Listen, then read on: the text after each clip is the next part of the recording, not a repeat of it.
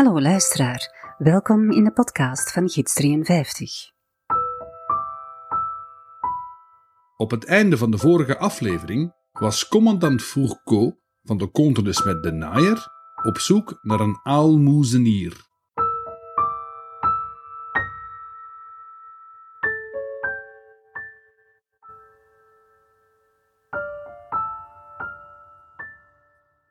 En u raadt het al, beste luisteraar, wie solliciteert er voor die post? Inderdaad, Eduard Kuipers.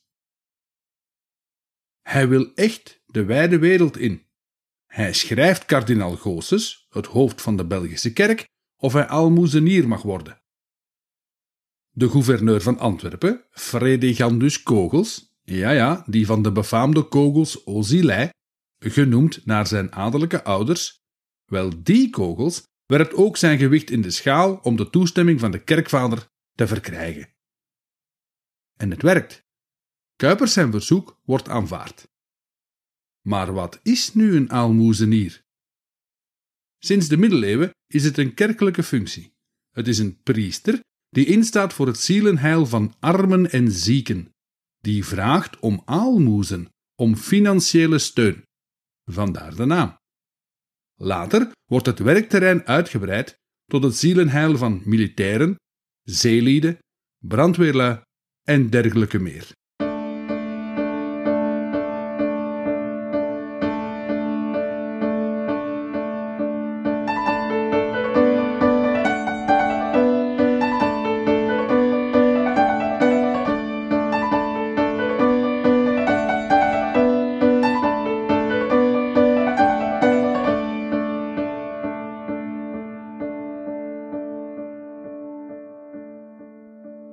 Uit een bedankbrief van februari 1905 van Kogels aan de kardinaal weten we hoe de vork in de steel zit. Luistert u even mee. Je n'avais pas l'honneur de connaître Monsieur l'abbé Keupers. Il m'a fait la meilleure impression. Il me paraît énergique, calme et simple dans ses manières. Ik vertaal even. De gouverneur kende Kuipers niet, maar na een gesprek heeft hij wel de beste indruk nagelaten. Hij is energiek, kalm en eenvoudig in zijn omgang. Verder schrijft hij dat hij ervan overtuigd is dat Kuipers zijn taak met de nodige tact gaat vervullen en moedig zal zijn in zijn moeilijke taak. J'ai présenté hier monsieur l'abbé au commandant du Smet de Nayer, monsieur Fourcault, chez moi. Il a rendu visite au commandant ce matin à bord. Als eerste voorzitter van de Belgische Maritieme Vereniging heeft de gouverneur Eduard bij hem thuis laten komen en voorgesteld aan de heer Fourcault, de toekomstige commandant van de Comte. Vandaag heeft die laatste Kuipers rondgeleid op het schip en voorgesteld aan de gedelegeerd bestuurder van de Navire École. En ook die heeft zijn akkoord gegeven. Enkel Eduard moet nu nog schriftelijk zijn opdracht bevestigen. Als uw luisteraar zich afvraagt waarom Kogels een brief aan de kardinaal stuurt, wel, uit de afsluiter van het epistel wordt dat direct duidelijk. Het wordt de rol van Eduard om zorg te dragen voor het zielenheil en de moraliteit van de jonge kadetten op het schip. Hij schrijft: Vous ne sauriez croire comme je suis heureux car dès l'origine de notre si difficile entreprise du navire-école, j'espérais voir les enfants catholiques, que nous allions embarquer, assurés des secours de la religion et de la direction morale si indispensable à leur jeune âge. Kogels is blij dat er een aalmoezenier meegaat. En dat komt duidelijk niet zonder het akkoord van de hoogste geestelijke herder van. Kuipers wordt niet alleen de hoeder van de zielen aan boord, hij staat ook in voor het godsdienstonderricht en het Nederlands. Want naast de bemanning gaan er ook een dertigtal kadetten mee aan boord. De opleiding is allesomvattend. Om te mogen meegaan betalen de ouders het enorme bedrag van 1400 frank. Dit zijn dan ook jonge gasten, late tieners en vroege twintigers, die later kapitein of commandant moeten worden van hun eigen schip. Een heel aantal van hen komt uit de hoogste bourgeoisiekringen van het land. Ze zijn de crème de la crème. Ze worden beschouwd als onze toekomst. En vele van hen spreken enkel Frans. En daar moet onze beste almoezenier aan verhelpen.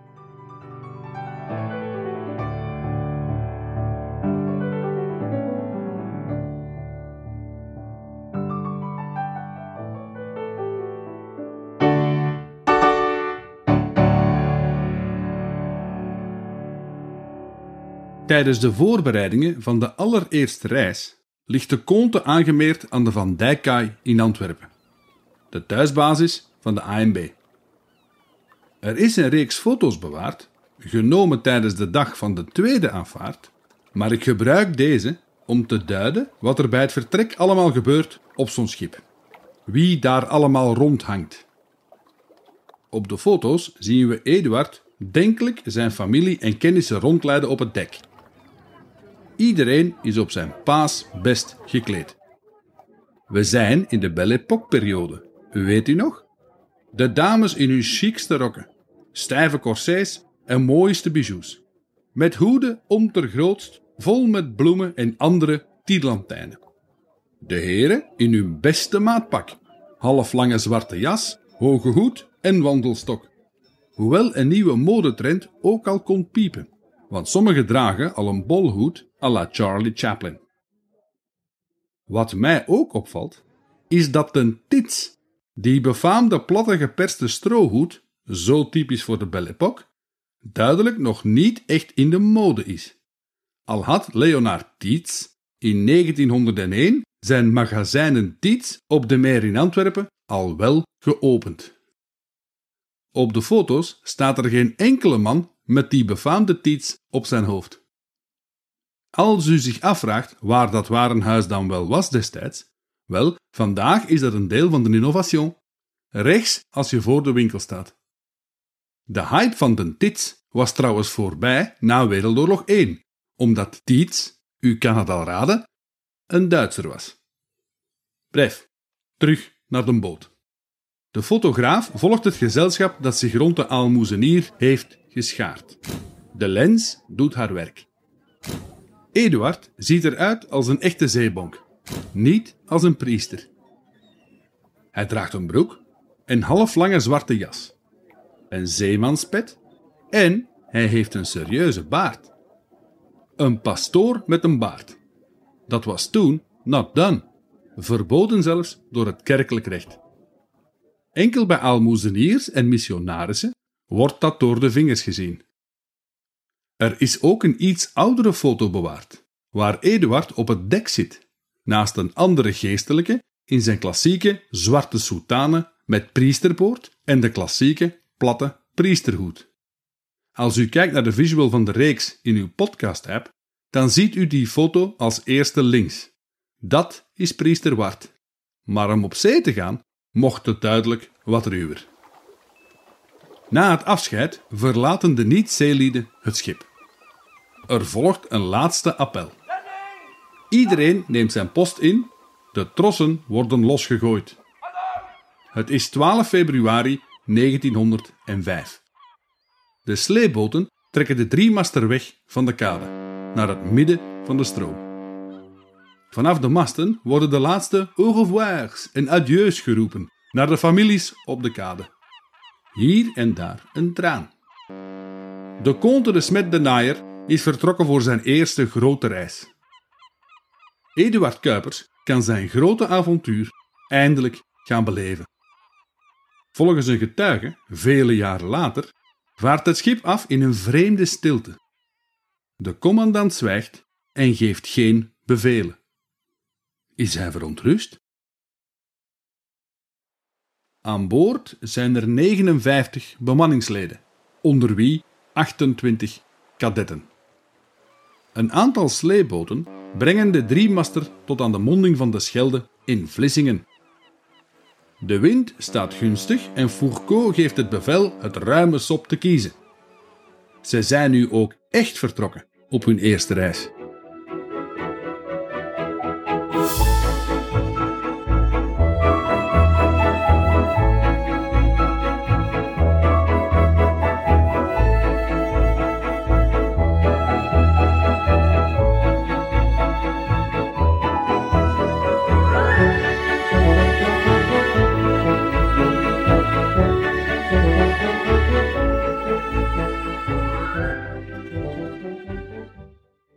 Deze maiden trip gaat direct in de richting van Chili.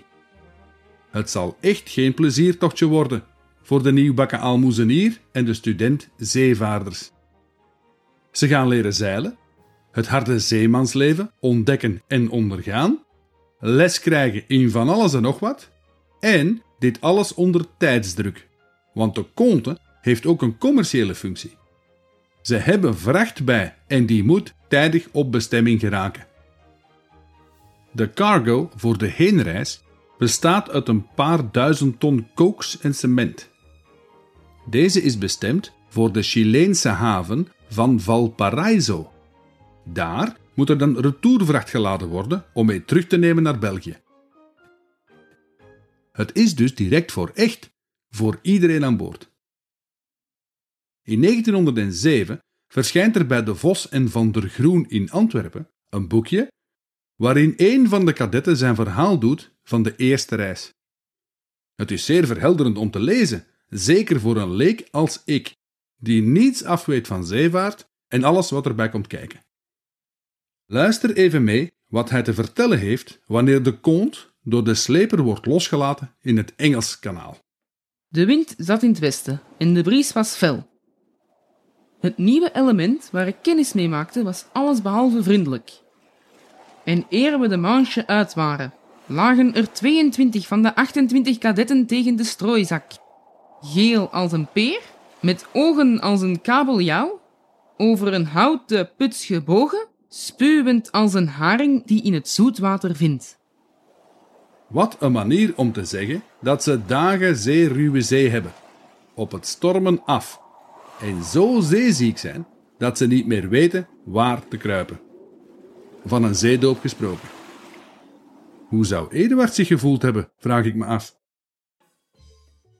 Eens ze uit het kanaal zijn, gaat het in vliegende vaart doorheen de Atlantische Oceaan in de richting van Madeira, het Portugese eiland voor de kust van Marokko. In Funchal, de hoofdstad, worden ze ontvangen door de Belgische consul.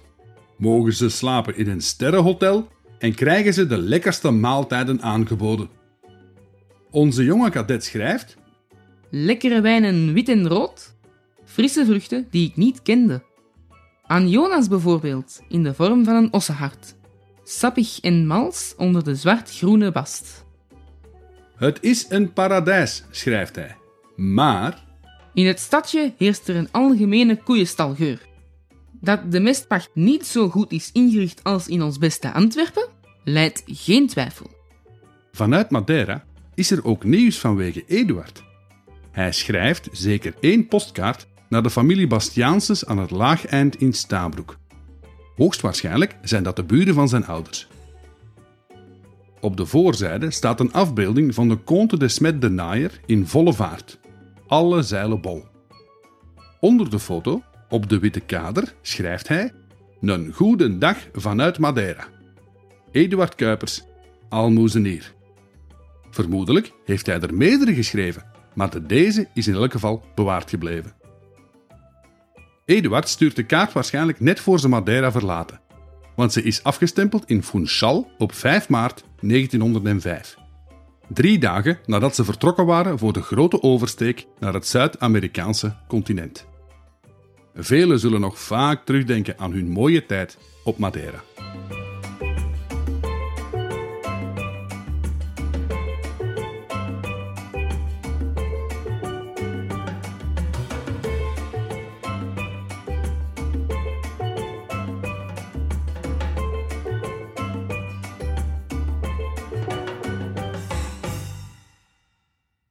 Onze jonge kadet klaagt vooral over de koude aan boord, als hij wacht moet lopen of aan het roer moet staan. Wanneer ze de evenaar naderen, wordt het bloedheet, ook s'nachts.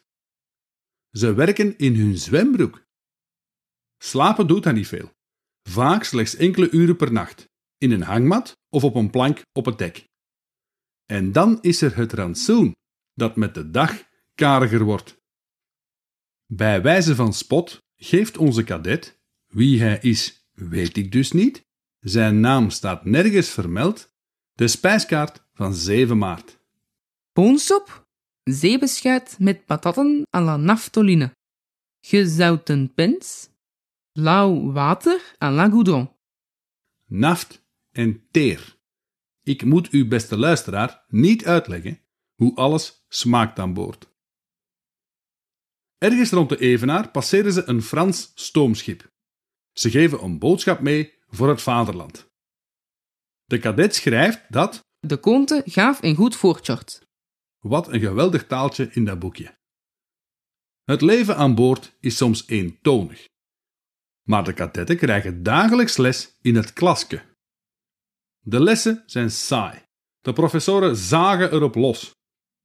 Wetenschappen van een professor, zeevaartkunde van een andere en Nederlands van de aalmoezenier. Ze moeten Multatuli lezen. Ik vraag me af of Eduard Kuipers ze Max Havelaar laat lezen, want dat is uiteindelijk één grote aanklacht tegen het 19e-eeuwse Hollandse kolonialisme en expansionisme.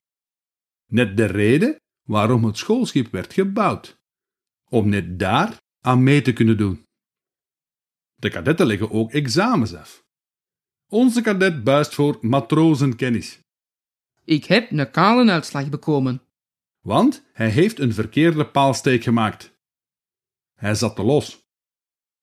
Voor examen weerkunde is hij dan wel weer geslaagd.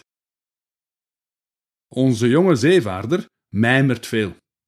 Vandaag 2 april. Opening Wereldexpo in Luik. Was ik maar daar. Ik ben het gaan opzoeken. Hij zou drie weken te vroeg zijn geweest. Een paar dagen later, op de 70ste verjaardag van koning Leopold II, was hij blij mee het Te Deum te mogen zingen. Dat zegt veel over het royalisme in die dagen. 11.000 kilometer van huis op een boot op volle zee. Het is ijskoud en dan zing je hip hip hoera voor de vorst op het dek. Maar ja, de koning was een van de aanstokers van het hele schoolschipproject. Dus men moest hem dan wel feteren, zeker.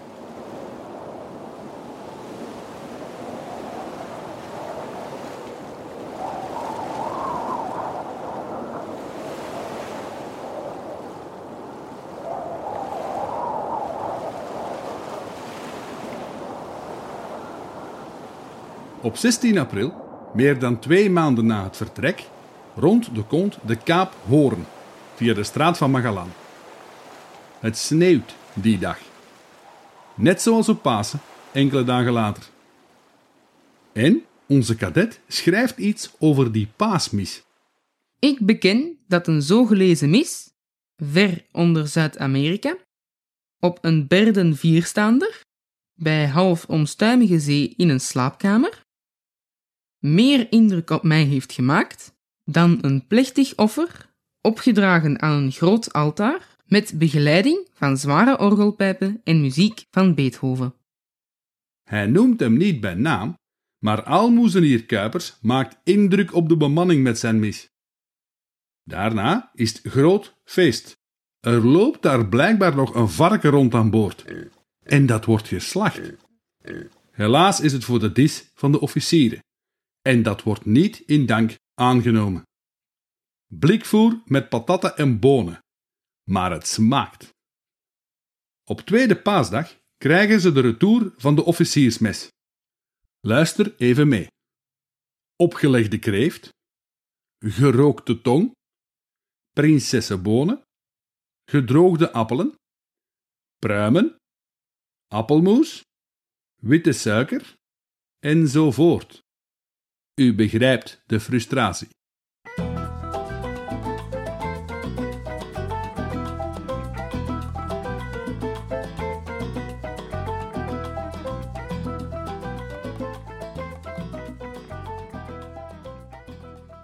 En dan eindelijk, op 15 mei, na drie maanden op zee, Valparaiso, Chili.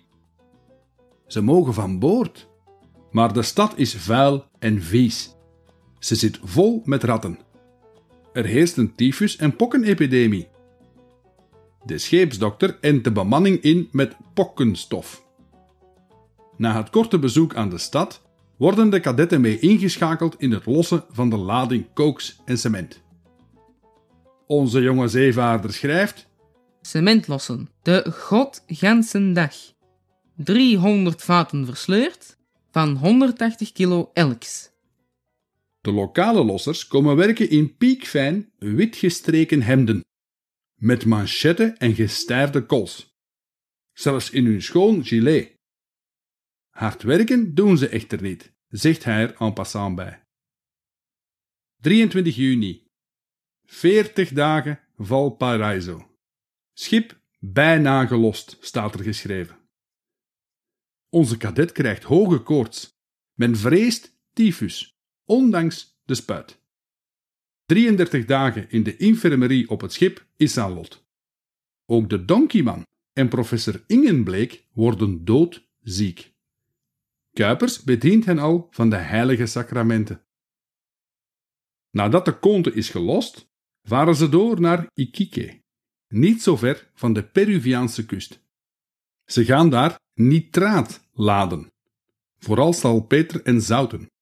Nitraat dat in het binnenland wordt gedolven in mijnen geëxploiteerd door westerlingen, vooral Engelsen. De beschrijving van de uitbuiting van de lokale bevolking die in die mijnen moeten werken is schrijnend. 4 september 1905. De Kont vertrekt weer richting Antwerpen.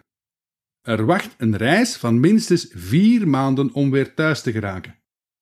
Vier maanden in weer en wind. Ik vraag me af hoe je je dan als kadet of matroos voelt op zo'n boot.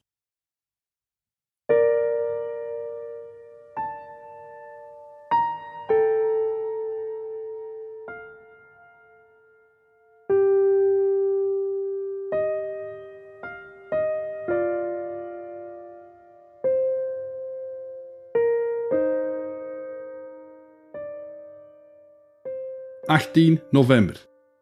De donkeyman bezwijkt aan zijn tering.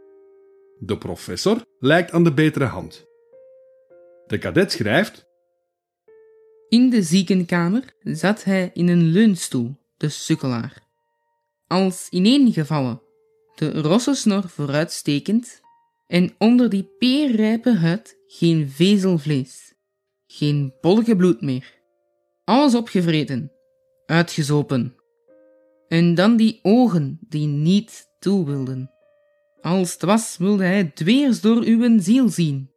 Met een vermaning, streng en kort. Jongen, heden ik, morgen gij. Kuipers had een gewijde kaars op het tafeltje naast hem gezet. Een verdord palmtakje in een drinkglas met wijwater. Sanderendaags tijdens de mis heeft Kuipers een akelig klagend de profundis aan. De matrozen werpen het lijk in het sop, de diepte in, 7200 meter diep. De priester werpt hem nog een kruisje achterna. Professor Ingenbleek sterft uiteindelijk ook, net voor de aankomst in Antwerpen. Vooral door een gebrek aan vers voedsel. Hij kon gewoon niet op krachten komen. Hij ligt opgebaard in zijn kajuit, de handen gevouwen rondom zijn paternoster. Op het kleine, wankele nachtkastje naast zijn al even petiterig bed staat een foto van een jonge vrouw. Zijn vrouw. Ze waren amper één maand getrouwd voor manlief met de grote boot op wereldreis vertrok. Die jonge dame, weduwe voor de glorie van het land. De aalmoezenier moet nu een tweede lijkmis aan boord organiseren. De kadetten schrobben en dweilen het ganse dek schoon. Alles moet blinken voor het laatste saluut. Daar staan ze nu, in hun groene paradeuniformen, in het gelid, starend naar de Belgische driekleur die over de lijkzak ligt. Kuipers leest een korte mis en zegent het lijk. Amen. Vier matrozen leggen eervol het levenloze lichaam van de professor op de valschuif. En onder de vaarwelwoorden van Foucault en de zegeningen van de priester verdwijnt ook hij in de golven. 6 januari 1906. Er komt een loods aan boord ter hoogte van het eiland White in het kanaal. Een sleper neemt de kont mee naar Vlissingen en verder de Schelde op. In Doel Toen was er nog geen kerncentrale en liepen er nog geen spoken in het dorp rond, moeten ze voor anker gaan. Twee dagen wachten. De kadets en couronnement de l'oeuvre, zoals hij dat zelf noemt, 18 zakken kolen naar de machinekamer brengen. Maar hij is content. Morgen varen ze naar Antwerpen. Allemaal afstappen, schrijft hij. Ze zijn weer thuis, bijna dag op dag, elf maanden na het vertrek.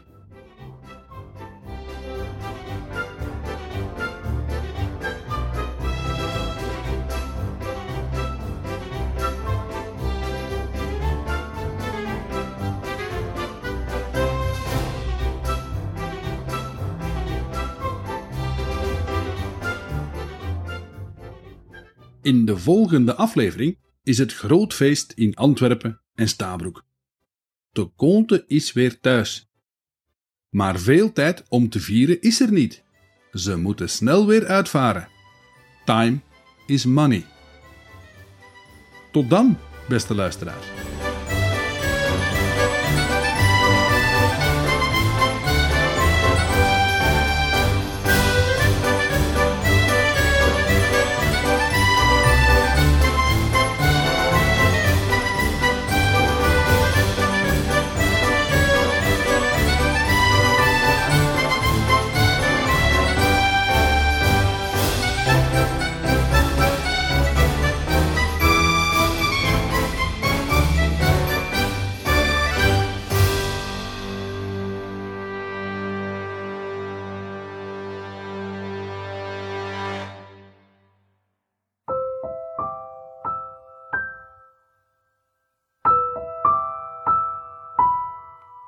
Dit was een podcast, geschreven en verteld door Gids 53.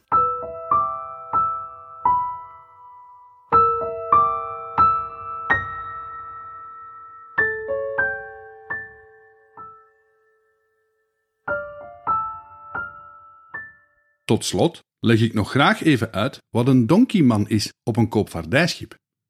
In elk geval geen ezel, zoals de naam doet vermoeden. Integendeel zelfs. Dit waren geruwde zeemannen die een veelvoud aan jobs uitvoerden. Het waren smeerders, stokers, motormannen. Sommigen hadden zelfs een opleiding tot brandweerman gevolgd. Ze droegen een grote verantwoordelijkheid op een schip. Ik dank ook graag Philippe Beaujean van de heemkundige kring van de Antwerpse polder om mij een foto te bezorgen van die postkaart. Ze wordt met zorg bewaard in het Poldermuseum van Lillo. Vind je deze podcastreeks leuk? Vergeet dan niet je te abonneren in je podcast-app en schrijf een kleine review in Apple Podcast als je op iPhone zou luisteren. Of laat er gewoon eentje achter op mijn website gidsnummer53.com/review. Alvast bedankt